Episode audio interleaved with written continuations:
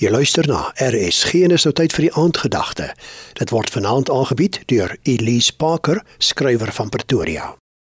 Van deesweek kyk ons na hoe 'n bepaalde houding ons lewens kan beïnvloed. Vandag meer oor 'n Aaron houding. Iemand met die Bybelfiguur Aaron se houding is iemand vir wie dit belangriker is om mense as God tevrede te stel. So 'n mens kies aanvaarding bo gehoorsaamheid en is bang vir verwerping. Hierdie houding maak 'n mens voortydig moeg, want jy kan nie die hele tyd aan almal se behoeftes voldoen nie. Soos die spreekwoord sê, jy kan nooit al die mense die hele tyd tevrede stel nie. 'n Soeke na aanvaarding is ook soms 'n pad na selfvernietiging. Aaron was Moses se broer en 'n goeie spreker. Hy was 'n goeie volgeling, maar het misluk in sy lewe, want hy kon nie op sy eie standvastig wees nie. Hy het maklik aan druk toegegee. Aaron het na die volk geluister toe Moses op die berg was om God te ontmoet.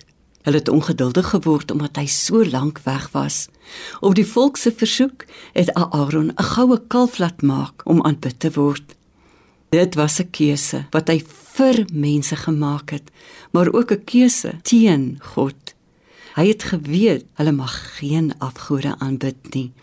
Moses het teruggekom en diegene wat om die kalf gedans het, het hul lewe verloor.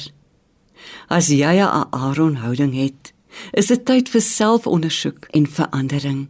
'n Mens moet nooit jou waarde in ander se oë vind nie dan sal jy jouself en God verloon ter wille van iemand se kloppies op die skouer en vir die applous van die skare. God ag jou so waardig dat hy sy seun vir jou gestuur het om jou las van jou weg te neem. Moenie ook net ja sê, moet jy nie lus is vir konflik of omdat dit die maklike uitweg is nie. Neem verantwoordelikheid vir jou keuses en besluite.